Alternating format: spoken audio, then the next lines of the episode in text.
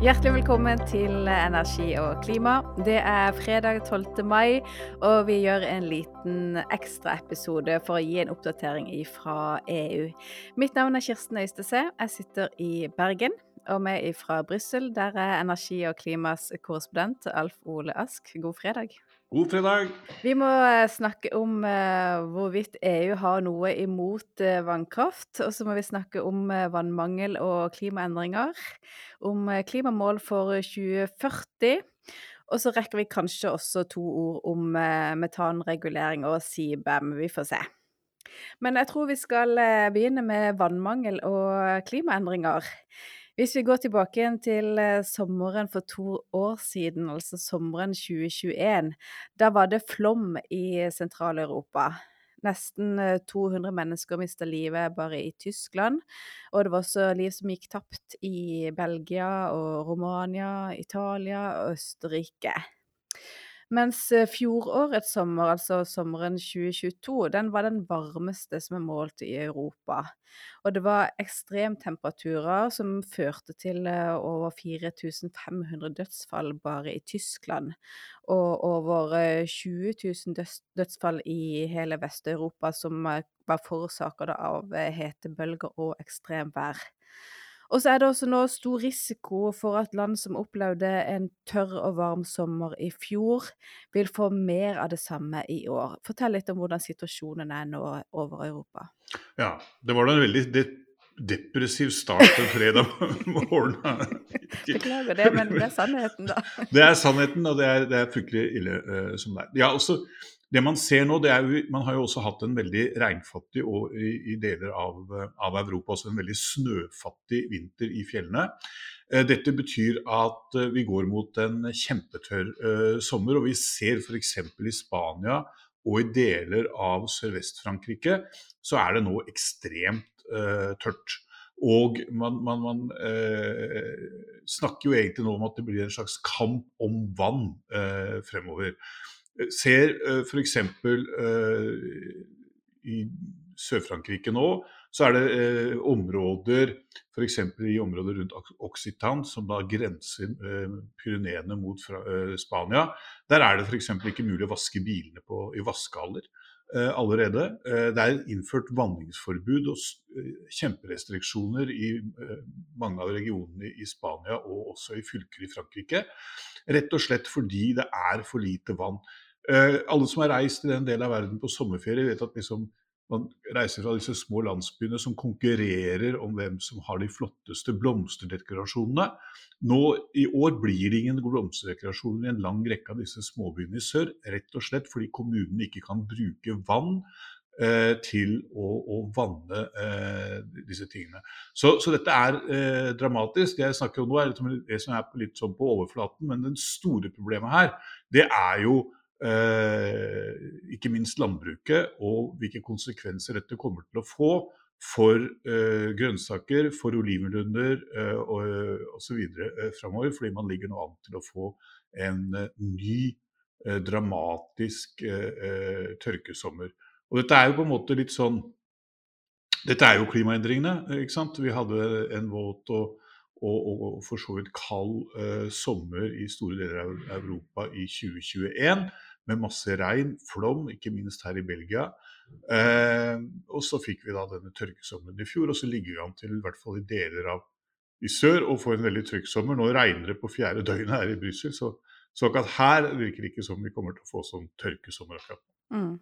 Men i eh, denne ukas eh, Fem på fredag fra Energi og klima så kan vi annet lese at 26 eh, personer nylig ble arrestert i Spania mistenkt for å pumpe vann fra ulovlige brønner for å dyrke tropiske frukter. Og da begynner det å bli mer eh, kritisk og konfliktfylt enn at man ikke har disse vakre blomsterbedene som man er vant til om sommeren. Det er helt korrekt. Eh, og, altså, Spania har jo eh, i mange mange, mange år hatt problemer med illegale eh, brønner som bores og overvanning i, i landbruket. Da jeg jobbet som korrespondent her nede for Aftenposten fra 2005 til 2009, var jeg laget svære reportasje på dette i, i, Spania allerede den gangen, om illegal eh, vanning. Eh, og Det er et kjempeproblem. og Man har, hadde jo her for bare noen uker siden nærmest uh, kamper mellom tusenvis av demonstranter og politiet i, i, Frankrike, ikke så langt fra, fra Bordeaux, hvor bøndene eh, drev og bygde et kunstig basseng hvor man da tappet grunnvann eh, for, om vinteren for å ha i et basseng og bruke til å, eh, å vanne da, da eh, landbruksareal eh, på sommeren. Eh, disse demonstrantene var imot det fordi de mener at dette her er eh, å kunne ødelegge grunnvannsspeilet i, i disse områdene. fordi at man da rett og slett tar seg til rette på denne måten. Disse bøndene har nok en viss lokal støtte blant de som jobber der og de kommunene som er avhengig av dette, men vi ser nå at det også blir helt nye konflikter i kjølvannet av de problemene som klimaendringene skaper. Og så blir det gjerne også problemer for kraftproduksjonen. Vi så jo i fjor at eh, en god del kjernekraft i Frankrike var ute ute av drift. Samtidig så var det mye mindre produksjon fra vannkraften da også, deles pga. Eh, vannmangel. I 2022 eh, så, var, så leverte vannkraften 66 TWh mindre enn i 2021. Det er ca. 20% mindre enn, enn da året før. Hvordan står det til i, i år for, eh, for vannkraftproduksjonspotensialet? Ja, det, det, liksom, det, er jo to ting her. da. Det er jo klart at Når disse elvene blir tørret ut, så vil jo elvekraften forsvinne. For det er jo ikke noe, nok vann til liksom å drive, drive de. Men det vi også så eh, i fjor sommer, det er jo at eh, det fins jo eh, reservoarer også i andre land enn en Norge, altså damkraft. Og da så man at eh, man da ikke kunne tappe disse på sommerstid. Eh, fordi det var, rett og slett var for lite vann. I tillegg til det så har man, og det er for så vidt en interessant eh, greie, man ser jo nå at denne damkraften eller reservoarkraften også kan, eh, noe av dette vannet kan brukes nettopp eh, til å avhjelpe i tørke. Og Det så man i, i Spania i fjor f.eks. At man da tappet ned reservoarene, ikke ikke for å produsere kraft, men for å redde landbruket og, eh, og dyrehold, og, og, for så vidt også eh, vann til, til, eh, folk flest. Mm. La oss holde oss litt til eh, vannkraft, for eh, det er en del diskusjon innad i EU, og også Norge deltar i den, eh, den utvekslingen om nettopp vannkraften sin rolle og plass i det grønne energiskiftet. Og en viss misnøye med EUs eh, manglende interesse, kanskje manglende forståelse for viktigheten av vannkraft, og den, den rollen vannkraft kan spille både som energiprodusent, men også som lagringskapasitet. Fortell litt hva det går går ut på? Ja, Dette er for så vidt en konflikt som har uh, versert i noen tid. Uh, fordi man i EU er ikke så veldig glad i, i denne reservoarkraften, for å si det litt enkelt. Hvorfor det? Den, nei, Det er bl.a. fordi at man anser ikke den for liksom å være en ren sånn fornybar energi, da, på den samme måte som f.eks. elvekraft eller vindkraft eller solkraft. Fordi at her demmer man jo opp store områder det er jo store naturinngrep som er gjort for å, for å, å, å lage dette her. Og denne kraften har også en helt spesiell rolle å spille. Så eh, vi så jo det eh, da vi hadde diskusjonen mellom EU og Norge om å bruke fornybar energi til å lage såkalt grønn hydrogen. Der var da EU, ville jo ikke EU utgangspunktet godkjenne damkraft og hadde eh, innsigelser mot liksom, det norske strømnettet, som jo er eh, lever av for så vidt fornybar energi. altså Det er jo vannkraft eh, vi stort sett har i Norge. Dette klarte man å løse ved å gjøre eh, noen unntak som særlig grad da hjalp eh, Norge og Island og kanskje også Sverige til en viss grad. Eh, og Litt av prisen internt i EU for det var jo at man da også eh, kan bruke atomkraft til det samme, fordi at de en, har ikke utslipp. Så liksom denne dampkraften har hatt et litt uh, dårlig rykte i, i EU. Så eh, når man nå skulle reformere strømmarkedet, som man jo driver og snakker om nå, så har man eh, gjort et unntak og ikke tatt med dampkraften verken som en lagringsteknologi eller som en fornybar eh, teknologi. Og dette har da ti store eh, energiselskaper i Europa reagert på og har dannet noe som heter Vannkraftalliansen, Hydropower Alliance. Statkraft er med her, Vattenfall er med der, Fortum er med sammen med franske, øh, tyske osv. Øh, selskaper. Og de argumenterer nå veldig for at vannkraften må få en større anerkjennelse i det grønne skiftet. Også øh, fordi dette er en kraft som da kan være tilgjengelig når det ikke er nok sol eller, eller, nok vind. Fordi du da har disse reservoarene som du kan øh, tappe ned. I tillegg så understreker det også dette som du og jeg var inne på Eh, litt før her, at nemlig denne vannkraften, særlig da det, disse som er knyttet til dammer, kan spille en rolle når det gjelder å bøte på utslag av klimaendringene, nemlig ved tørke. Og man ser også at elvekraft ved å regulere vassdrag faktisk også kan spille en rolle i å hindre uh, flom og oversvømmelser. Uh, sånn at uh, de ser liksom at vannkraften ikke bare er en energikilde, men også kan være et middel til å reparere og bøte på noen av de uheldige og dramatiske utslagene vi ser av klimaendringer. NVE har jo akkurat også levert en høringsuttalelse i denne sammenhengen som er veldig sammenfallende med næringens syn. Men eh, NVE understreker veldig tydelig, og det gjør de også, disse ti selskapene, at man, man må, må, lage rammevilkår Eh, som da betyr at det blir eh, lønnsomt å oppgradere og å bygge nye eh, vannkraftanlegg. Og det vil jo da, da er du raskt inne på en diskusjon om kraftskatt. og det vet du like godt som meg at det er det er et betent og innfløkt tema. Men, men så, så, så det, det, er ikke bare det at de ønsker et klapp på skulderen og at de liksom er flinke gutter og jenter, men, men, det er helt klart at dette også kommer til å ha med rammevilkår uh, å mm. gjøre. Det ble jo forrige uke eh, lansert en energilagringskoalisjon i EU, der vel vannkraften eller pumpekraften ble tatt med da, som en teknologi som man ønsker å fremme. Ja, altså nå, nå, Det finnes jo ikke den energiformen som ikke har en allianse i EU nå. Eh, det, altså, det er ikke så lenge siden det var 10-12 land som dannet atomkraftalliansen. Eh, Frankrike er liksom med i alle allianser, da. Eh, eh men, eh, og du har eh, vindkraft, du har solkraft. Så alle, alle, har nå en allianse, og noen er medlemmer i, i flere av dem. Så, og, og det er klart, det er jo også en en, eh, en, viss sånn fight mellom teknologiene her. Du trenger jo alle disse uh, tingene for å få til det grønne skiftet, men det er helt klart at, at det er jo også en, en, en fight mellom, mellom uh, teknologiene i, i, i, mye av, denne løsningen i det, i det grønne skiftet.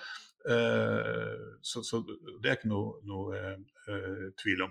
Og akkurat nå har jo på en måte sol og vind vært det som kanskje har vært liksom, eh, skjøvet fram da, eh, i diskusjonen i, i, EU de siste, siste, årene i forbindelse med Fit for 55 og, og Repower EU og disse tingene, så er det jo de to energiformene sammen med varmepumper og en del sånne ting som liksom har fått alle oppmerksomhet. Og da, og da blir jo disse vannkraftfolka som har vært sliterne i energimarkedet, litt sure, da, vet du. Og så må de få litt oppmerksomhet. Sånn er det. Du nevnte Fit for 55, og vi har jo snakka om eh, Fit for 55 og den eh, politikkpakka som skal ta EU til 55% utslippskutt innen 2030, nå i to år siden den ble lagt frem i, i juli 2021.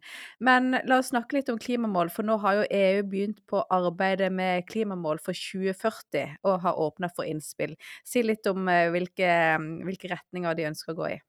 Ja, dette er, eh, dette er, på en måte nedfelt i, i, hele det grønne skiftet at de skal ha slike etappemål og 55 i 2030 i forhold til 1990-utslippene er jo liksom én sånn eh, tydelig mål. Og så skal de sette et nytt mål for 2040 eh, som da skal sikre at man da er energinøytral i, i 2050. Eh, så dette er på en måte eh, et nytt delmål. De sier ikke så veldig mye konkret i det dokumentet som er sendt ut, og som de da ønsker innspill på fram til litt ut i juni, og hvor da kommisjonen skal trekke seg tilbake og kommer da med, med, med mer konkrete mål. Men det ligger liksom an til en ganske betydelig økning av fornybarkravet f.eks. For, for, for å nå dette her. De har noen framregninger på, på en del av sånne ting, men de sitter jo nå da og venter på innspill fra, fra, alle gode krefter. Både på hva som skal være målene, men ikke minst, og det er kanskje det viktigste, hvordan i all verden de skal nå dem. Fordi én ting er jo, og det begynner man å se litt i EU nå, én ting er å sette mål, noe annet er når du skal begynne å gjennomføre det. Og det er helt klart at disse 55 %-målet er jo, er jo ambisiøst. Eh, det er tøft å gjøre det. Økonomiene er ikke akkurat eh, oppe og står, for å si det forsiktig, med, med krig og inflasjon.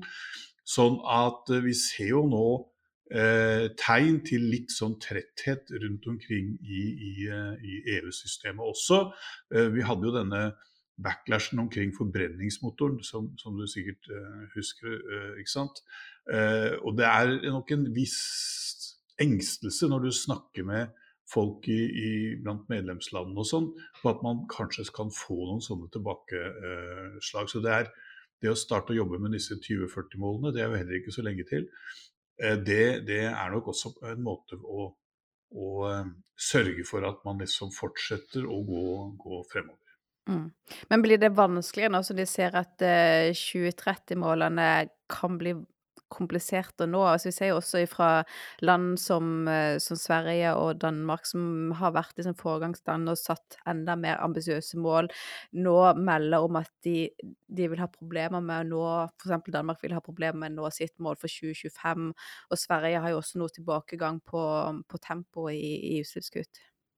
Ja, eh, det er helt korrekt. og jeg, går, eh, jeg møtte noen finske diplomater i går. Finland driver nå og danner en ny regjering. Den konstellasjonen som er mest trolig, eh, vil antageligvis føre til at man ser at finnene kommer til å dreie eh, eller bremse klimapolitikken sin eh, noe, de også. Og Det er ganske interessant, fordi da har man liksom tre nordiske land i EU som på mange måter har vært fyrtårn i klimapolitikken, som nå eh, kanskje liksom eh, setter bremsene litt på. Eh, det er interessant, fordi dette eh, Du har jo også nå en italiensk regjering f.eks., som i utgangspunktet ønsket eh, en mer oppbremsning. Og det, det, er kanskje ikke så unaturlig at når man har gått såpass raskt fram som det man har gjort, og hele dette prosjektet Fit for 55 har så langt vært en suksess på den måten at man har fått denne pakka nesten nå helt gjennom. Det står igjen noen par direktiver i, i, i EU. Eh, e det er, det er imponerende. Men det er klart at én uh, ting er å sette målsetninger og produsere uh, lover, for å si det sånn, men de skal også uh, innføres og gjennomføres. Og det er klart det er nå framover du kommer til å merke virkningene av de vedtakene som EUs medlemsland og Europaparlamentet har gjort. Mm. Hvordan blir fremdriften på dette klimamålet for 2040? Når skal det endelig landes? Ja det, har, ja, de har de ikke vært så veldig spesifikke på. Det som er litt av, greia nå, det er at eh, nå er det et år, eh, så er det valg til Europaparlamentet og skal ny kommisjon. Så det er vel ikke eh, gitt at eh, vi får se dette før den neste kommisjonen eh, eh, blir utnevnt en eller annen gang om et års tid. sånn at det kan nok ta litt tid før, de, før vi får, får, de tingene på plass. Det kan godt være at vi kan få noen målsettinger, men, men liksom hvordan de skal gjennomføres, hvilke direktiver som skal oppgraderes og sånn, vil, vil, det nok ta noe tid før man, før man da, da, da, ser konkrete forslag. Fordi dette blir nok et av de store prosjektene for den neste eh, kommisjonen, vil jeg tro. Mm. Bra. Du, skal si to ord om eh, hva EU gjør for å prøve å redusere utslipp av metan? Ja, det er, det er, jo nå en sånn metanforordning, eh, som det heter. Det er jo en, en type eh, EU-lov eh, som nå er til behandling i, eh, i denne såkalte trilogen, hvor altså eh, Europaparlamentet har fattet sitt vedtak, og Ministerrådet av medlemslandene har fattet sitt vedtak. Uh, og så med hjelp av kommisjonen så skal de forhandle seg fram til enighet.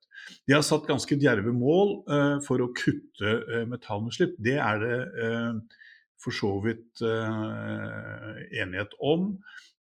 men dette, denne forordningen inneholder en lang rekke tiltak for å kontrollere at uh, man ikke slipper ut så mye metan.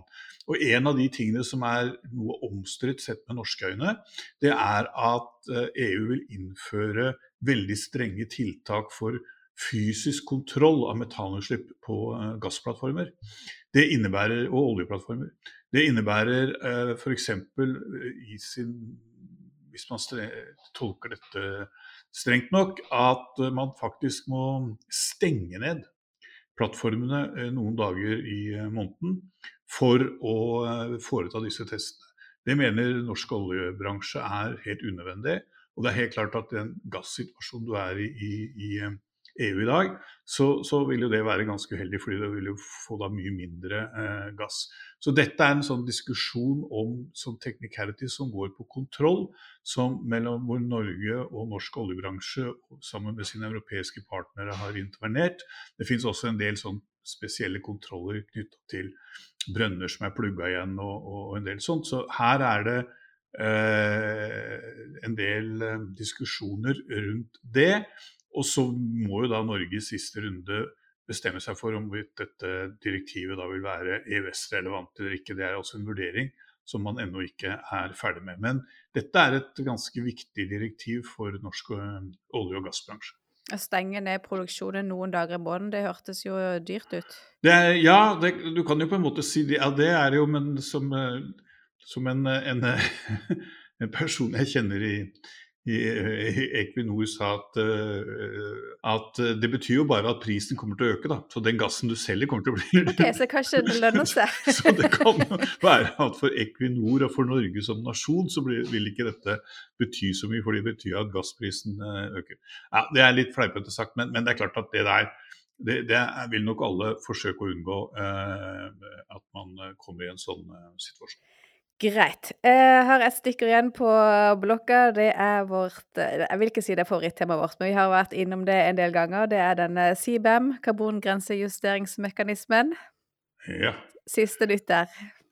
Nei, siste nytt der er jo at nå er den vedtatt uh, i EU. Det har vi vel for så vidt meldt uh, tidligere også. Og det som er en uh, greia sett med norske øyne, det er jo at nå skal da Finansdepartementet avgjøre om dette, eh, eller regjeringen og Stortinget i siste instans skal vi da avgjøre om dette er EØS-relevant, men det er Finansdepartementet som sitter med dette her.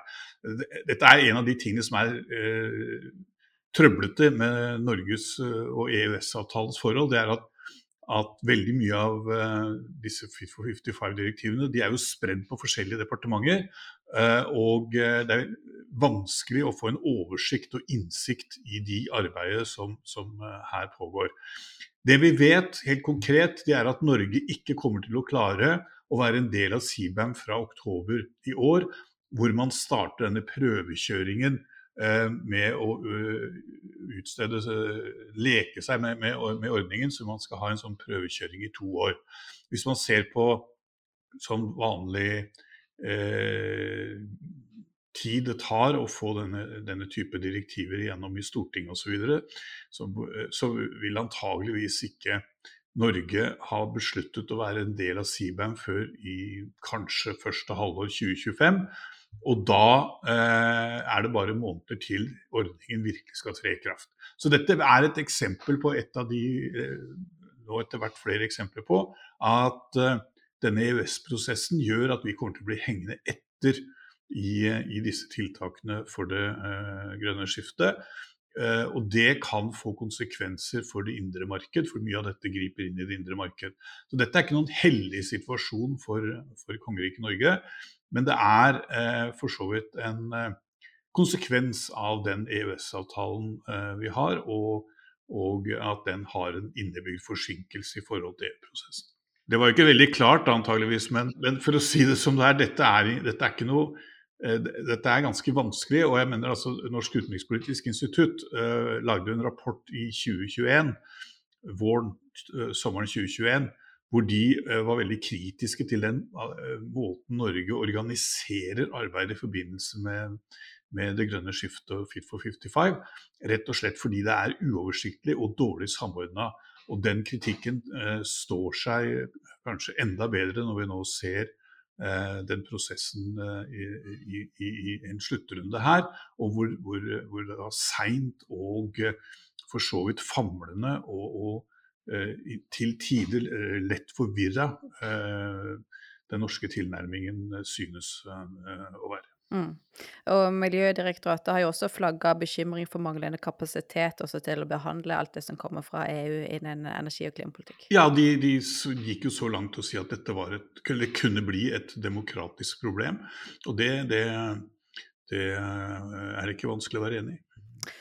Nei, men godt. Eh, andre saker vi burde nevnt før vi avslutter? Nei, vi kunne, nei altså nå har vi liksom starta vi med all verdens elendighet, og så slutter vi for så vidt med elendighet. Så det var jo kunne, Så det hadde jo vært greit om vi liksom hadde, siden det er fredag, hadde gått ut med et litt mer eh, positivt eh, syn. Men, men eh, det er vel kanskje sånn verden ser ut. Jeg tror det. Neste uke så er det et par fridager og en inneklemt fredag. Jeg vet ikke hvordan inneklemte fredager behandles i Brussel? Ja, det, det er, de behandles nok her som det, det de gjør i, i, i, Norge. Jeg vet at 17. mai-komiteen her i Brussel er litt bekymra fordi at det blir jo en langhelg da, med 17. mai, Kristi himmelfart osv. Så, videre, og, så nordmenn forsvinner? Ja, det, det, er litt av det samme problemet her som man har i enkelte bygder i Norge, ser jeg, at man frykter for at 17. mai tar jo lite. Så vidt jeg vet, så skal uh, Jens Stoltenberg holde hovedtalen ute i Waterloo, hvor, den, hvor det er en sånn norsk skole. Uh, hvor det er tog. Og uh, i år, som med en lang tradisjon, så kommer det da et musikkorps fra Antwerpen. Jeg tror det er Tollvesenet musikkorps som av alt, som da spiller norske sanger og marsjerer med, med, toget der ute. Så, det er, så der blir det en tradisjonelt 17. mai-feil. Nei, men Godt å få dere god 17. mai-feiring også i, i Brussel når den tid kommer. Takk for praten, Alf Olask. Takk skal du ha. Takk også til eh, du som lytter på. Jeg satser på at vi er tilbake med en uh, ny episode neste uke. Til tross for uh, både 17. mai og Kristi himmelfartsdag og inneklemt fredag. Takk for i dag.